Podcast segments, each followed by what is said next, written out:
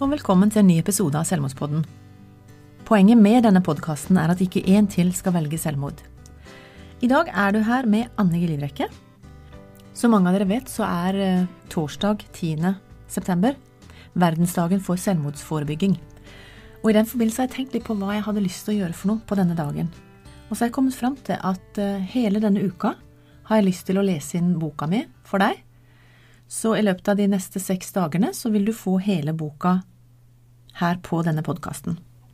Jeg sitter i et studio, og jeg leser inn, men du kommer til å høre kanskje at jeg blar litt, eller at jeg tar en litt kaffe, eller et eller annet sånt, for dette er du og meg som setter oss ned sammen og leser denne boka. Kapittel 6 Begravelsen Torsdag 22. august regnet det. Hele dagen. Vi hadde gruet oss til denne dagen samtidig som vi alle var enige om at det var en viktig dag, og vi så fram til å være sammen med vennene til Thomas. Som i mange familier med skilsmisse og utfordringer, er slike sammenkomster ikke enkle. Barna hadde ikke hatt kontakt med fars familie på lenge, og det var vanskelig å være i en setting der man må forholde seg til familiemedlemmer man ikke omgås av forskjellige grunner. Jeg kan forestille meg at det ikke var enkelt for dem heller. Som sagt gruet vi oss veldig, både til å se kista alle folkene, familie og mennesker vi ikke hadde sett på mange år. Vi var også spente på om vi maktet å holde tale, eller å se kista bli båret ut og senket ned i den kalde jorda, og så alle kondolansene etterpå, da. Men da vi kom til kirka, var det faktisk veldig fredelig. Reidun i begravelsesbyrået hadde fortalt oss at vi fikk litt tid helt alene i kirka før dørene ble åpnet, og det var godt. Å forholde seg til kista og ta en rolig runde, og se på alle de nydelige hilsenene på blomstene, varmet. Jeg klarte til og med å smile litt over en stavefeil på en av kransene. Thomas sin kamerat Kjetil var blitt til Kjell, så han har dette kallenavnet ennå. Jeg kysset kista der Reidun hadde fortalt at ansiktet ditt var, og tok mitt endelige farvel. Vi satte oss ned og nikket for å si at de andre kunne komme inn. Velkomstmusikken som ble spilt når folk kom inn, hadde Marianne valgt. Gi meg handa di ven, sunget av Kurt Nilsen og Helene Bøksle. Vi valgte med vilje de fleste sangene fra Spotify, og ikke som fellessanger, så neste sang var også for folk til å lytte til. Jeg tror jeg har nevnt at jeg ikke klarte å høre musikk i det hele tatt de første to ukene, men jeg våknet de første morgenene med enten en sang eller noe jeg måtte skrive ned. Kanskje dette høres rart ut for deg, men det blir nesten som å våkne opp og huske veldig godt hva du har drømt. Den første sangen jeg våknet til, var Ikke en spurv til jorden. Jeg kjente den sangen godt, siden jeg både har hørt Ivar Skippervold synge den, og jeg selv har sunget den i min tidligere karriere som bedehussanger. Derfor ble denne sangen et naturlig valg i begravelsen. Teksten er veldig fin, og jeg måtte ha noe som ga meg og andre et håp midt i dette uvirkelige som hadde skjedd. Ikke en spurv til jorden uten at Gud vet. Ikke én sjel mot døden uten hans kjærlighet. Ikke én blomst er visnet, ikke en tåre falt, uten at Gud vet om det, Han som er overalt. Tro det når stormen herjer bladløse vintertrær. Tro det når brynning bryter over de nakne skjær. Tro det når ubeskyttet midt i en kamp du står. Tro det når helt alene du med smerte går. Tro det når noe brister uten å vokse frem. Tro det når noen mister det som var alt for dem. Tro det når håp går under, uten å reise seg. Ikke én spurv til jorden, det er et ord til deg. Tekst er Ingeborg Prytz Fogner. Husker du at jeg skrev at jeg måtte ha én setning som trumfet alle de vonde tankene og bildene jeg fikk i begynnelsen? Og så fikk jeg kjærligheten overvinner alt. I etterkant av dette våknet jeg en natt av at jeg tenkte på sangen Kjærligheten seirer, overvinner alt med Ole Børu. Jeg husker at vi spilte mye Børu-gjengen når de tre eldste var små, og jeg likte særlig godt denne. Jeg klarte endelig å høre på dette på Spotify, og den natta må jeg ha hørt den 50 ganger. Så når vi måtte velge sanger til begravelsen, hadde jeg jo allerede fått to av dem. Jeg orket ikke synge, og tenkte at mange av vennene til Thomas føler, følte det samme, så derfor var det veldig greit å bare la anlegget gjøre jobben. Kjærligheten seirer, overvinner alt. Kjærligheten håper, og den tåler alt. Ondskapen må vike, hatet smelter ned. Jeg vil velge livet, jeg vil velge kjærlighet.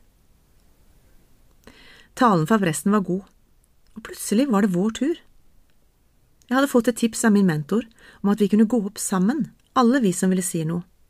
Så der gikk vi, Thomas sin sjef, bestekompis, storesøster og jeg. Marianne sa at jeg måtte tale sist, for hun var sikker på at hun ikke ville orke å si noe etter meg. Hun ville tale først, og etter den første setningen snudde hun seg og hvisket at hun ikke maktet. Jeg sa ikke noe, men jeg visste at hun hadde så lyst til å gjøre dette. Jeg holdt henne på skulderen, så hørte jeg hun trakk pusten dypt før hun fortsatte på sin tale. Min kjære, umistelige bror. Jeg kan ikke tro at jeg står her i dag. Er det noe jeg aldri hadde sett for meg, så var det akkurat dette. Det fins ingen ord som beskriver hvor stor smerten i hjertet mitt er over at du ikke lenger er her. Min eneste bror, min klippe, min solstråle og støttespiller. Du var alt for meg. Helt fra du var liten har du vært en gladgutt, en som lyser opp av godhet og kjærlighet, og alltid møter alle med varme og et smil. Selv i voksen alder har du hatt de samme egenskapene. Du har alltid ønsket at de rundt deg har det bra, og du har gjort ditt for at de har det. Du har stilt opp for alle på din vei.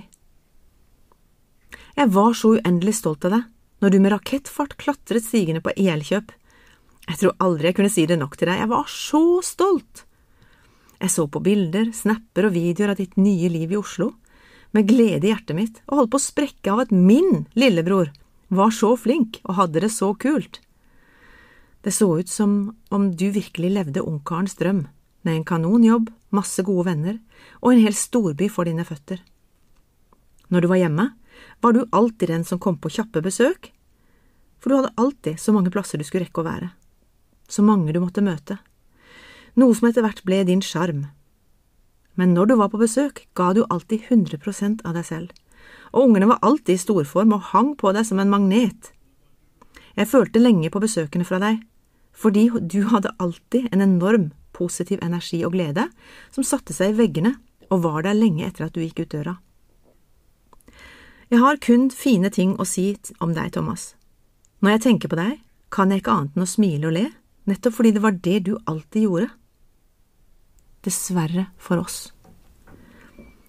Så hadde du en side som vi aldri så, fordi du lot oss ikke. En Thomas som var lei seg, eller såra, eller sint, eller hadde det vanskelig. At dette kom som et sjokk på alle, sier jo bare litt om hvor god du var til å skjule det du fryktet aller mest. Jeg skulle så inderlig ønske du ville ha latt oss hjelpe deg, for jeg hadde gjort alt for deg, Thomas.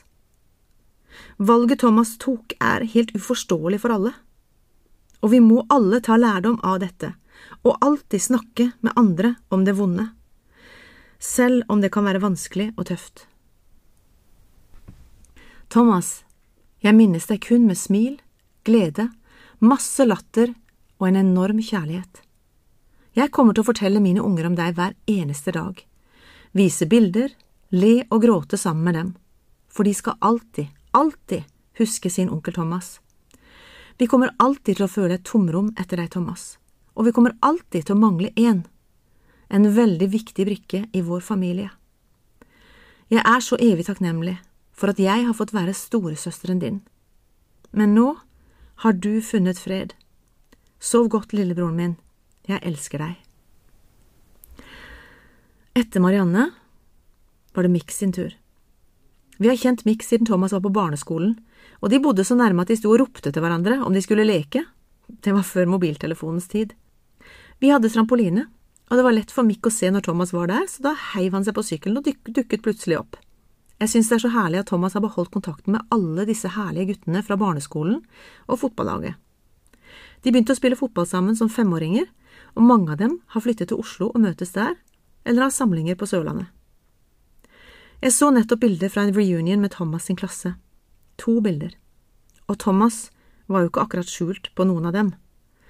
Det første bildet var fra småskolen, og Kenneth og Thomas hadde på seg sølvbukser som de var så stolte av. De lyste jo opp hele bildet.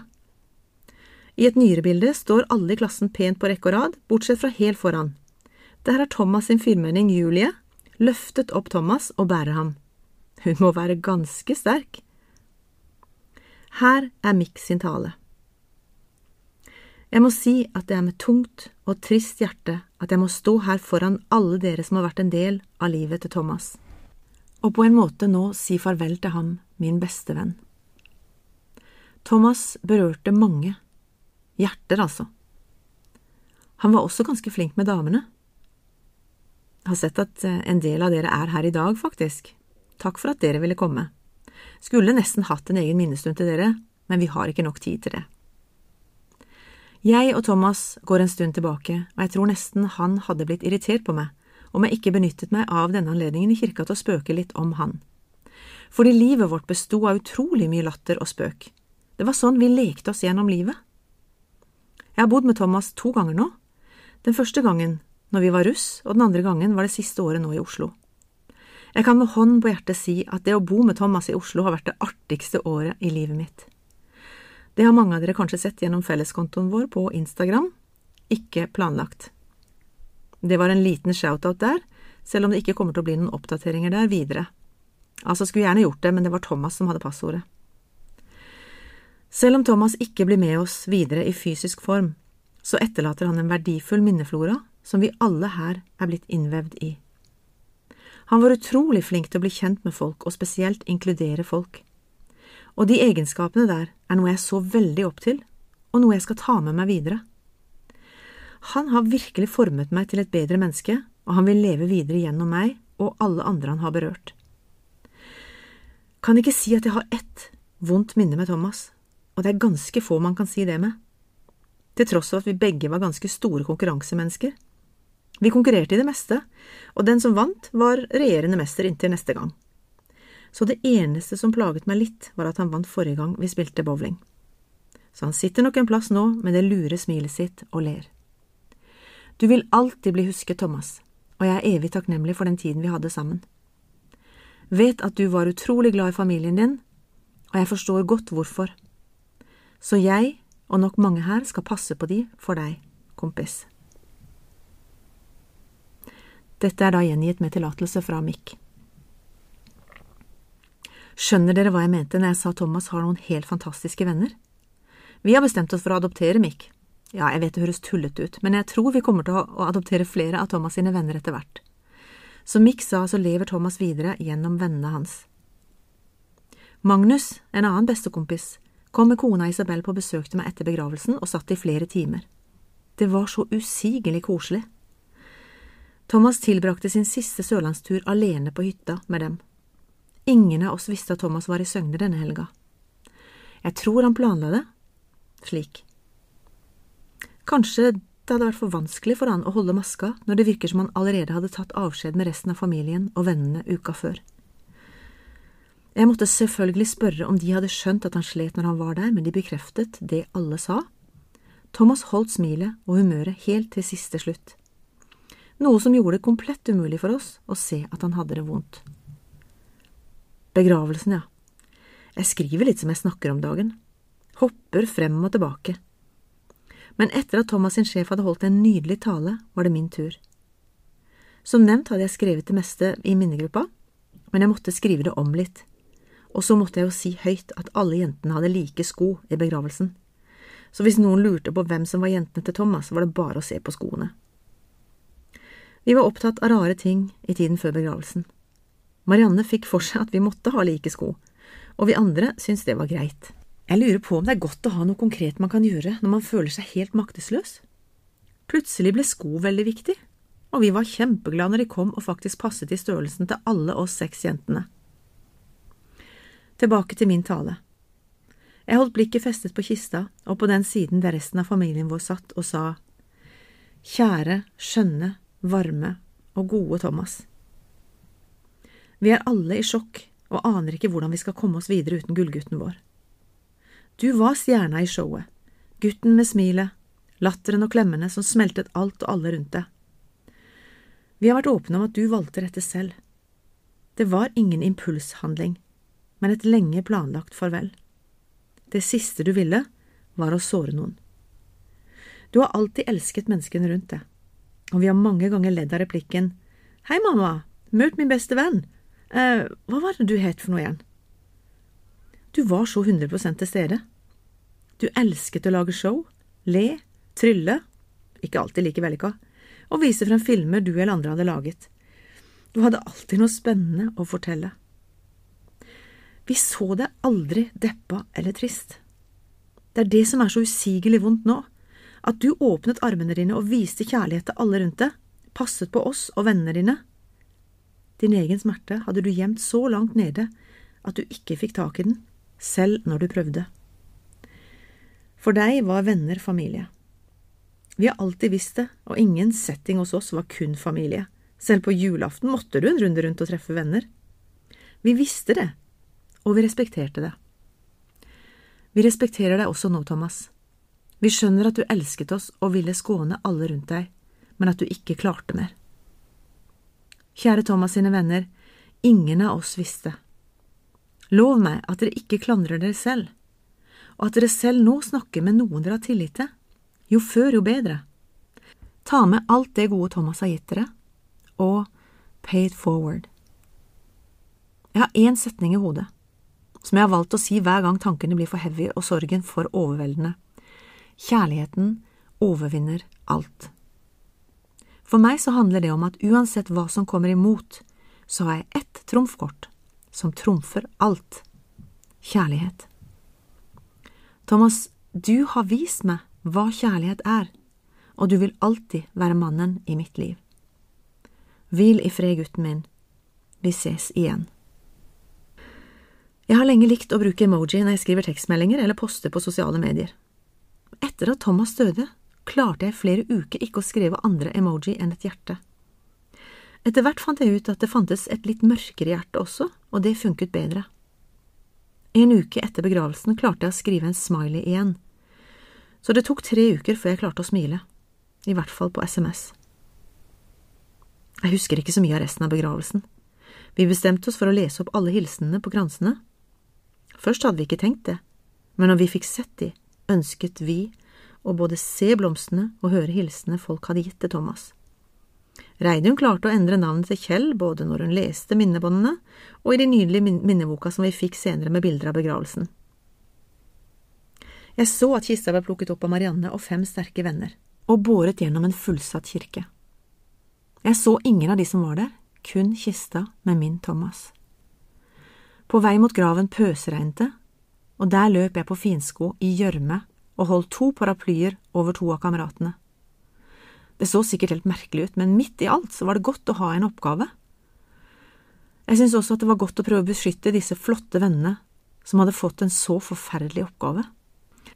Så tusen takk til dere, Thomas I, som er Thomas sin svoger, Kjetil, Mikk, Ole, som også er Thomas sin svoger, og Magnus. Kista ble sunket ned, og jeg klarte å få takket alle for at de kom, og si at alle vennene til Thomas var velkommen til minnestund etterpå. Så var det en halvtime med kondolanser under paraplyen. Det var faktisk godt å se folk inn i øynene og høre at de brydde seg og ba for oss. Jeg så bare én av gangen, for det høljet ned, og det var like greit. Når siste klemmen var gitt, var det helt tomt på kirkegården. Jeg kunne verken se eller føle føttene mine som var begravd i sølet, men jeg var ikke kald. Jeg hadde tatt imot varme klemmer i over en halv time, og det gjorde godt. Det var rart å gå derfra og la Thomas være igjen alene, men jeg visste jo at han ikke var der lenger. Minnestunden var akkurat slik jeg hadde sett for meg. Mange av mødrene til Thomas sine venner, og noen av jentevennene hans, hadde sammen tatt ansvar for all planlegging med kaker, kaffe og pynting med mer. Jeg gjorde absolutt ingenting. Det eneste jeg hadde fått klart for meg, var at dette skulle være en uformell samling for og med ungdommen. De skulle få komme sammen og bare prate og se hverandre, og møte omsorg og masse kake fra rause mammaer. Vi ønsket ingen høytidelige taler, eller at noen skulle bli tvunget til å sitte stille i mange timer. Det var veldig godt å bare kunne tusle rundt og snakke med venner og kollegaer, og familievenner som jeg ikke hadde sett på lenge. Noen av vennene hadde jeg bare hørt om og sett bilder av, og kollegaer fra Elkjøp kom fra hele landet. Det var over 150 venner på minnestunden, og enkelte hadde jeg ikke sett siden de hadde lyse stemmer og var 1,40 høye, og nå raget de langt over meg. Her må jeg skyte inn at dette altså heldigvis var før korona. To av Thomas sine kamerater, Magnus og Lasse, ledet samlingen, og de var kjempeflinke. En minnebok ble sendt rundt, og alle som ville kunne skrive en hilsen til Thomas. Jeg er så glad for alle de skjønne hilsenene i den boka nå. Mick hadde laget en herlig film om alle han og Thomas sine påfunn, med en skikkelig rørende avslutning med musikken Love Someone med bandet Lucas Graham. Jeg måtte bare sette den på nå, og tårene renner nok en gang. Cause you still look perfect as days go by. Even the worst ones, you make me smile. I'd stop the world if you gave us time. Because when you love someone, you open up your heart. When you love someone, you make room. If you love someone and you're not afraid to lose them, you'll probably never love someone like I do. Thomas, jeg elsker deg så høyt, min lille gutt. Selv om du var mye høyere enn meg, så var du alltid min lille gutt. Ja, jeg griner igjen. Beklager, men sånn er det å skrive midt i den verste sorgen. Som et sår som har fått en veldig tynn skorpe og blør bare noen dulter borti. Jeg vet at det kommer til å bli lettere etter hvert. Det har jeg jo merket bare på disse få ukene. Men så kommer det en kjempebølge, og da blir jeg litt redd for at jeg skal skylles bort med den. Derfor er det viktig for meg å snakke høyt til meg selv. Nei, du holder ikke på å tørne, Anne. Du kommer til å komme deg videre fra den verste smerten, og mer og mer se alt det gode dere hadde uten å gå helt i stykker. Begravelsen, ja, den var faktisk nydelig for oss ti i familien. Snart elleve med Maria som kommer i november. Fantastiske Reidun i Jølstad. En god prest. Alle Thomas sine gode venner, og alle som stilte opp for å gjøre minnestunden til en god plass å være etterpå. Jeg vet at jeg har takket dere alle, men jeg må bare gjøre det én gang til. Tusen takk. Helt til slutt har jeg lyst til å fortelle hvor du kan få hjelp. Kirkens SOS er en døgnåpen krisetelefon. Det samme er Mental Helse. Leve, Landsforeningen for etterlatte ved selvmord. Legevakten 116 117.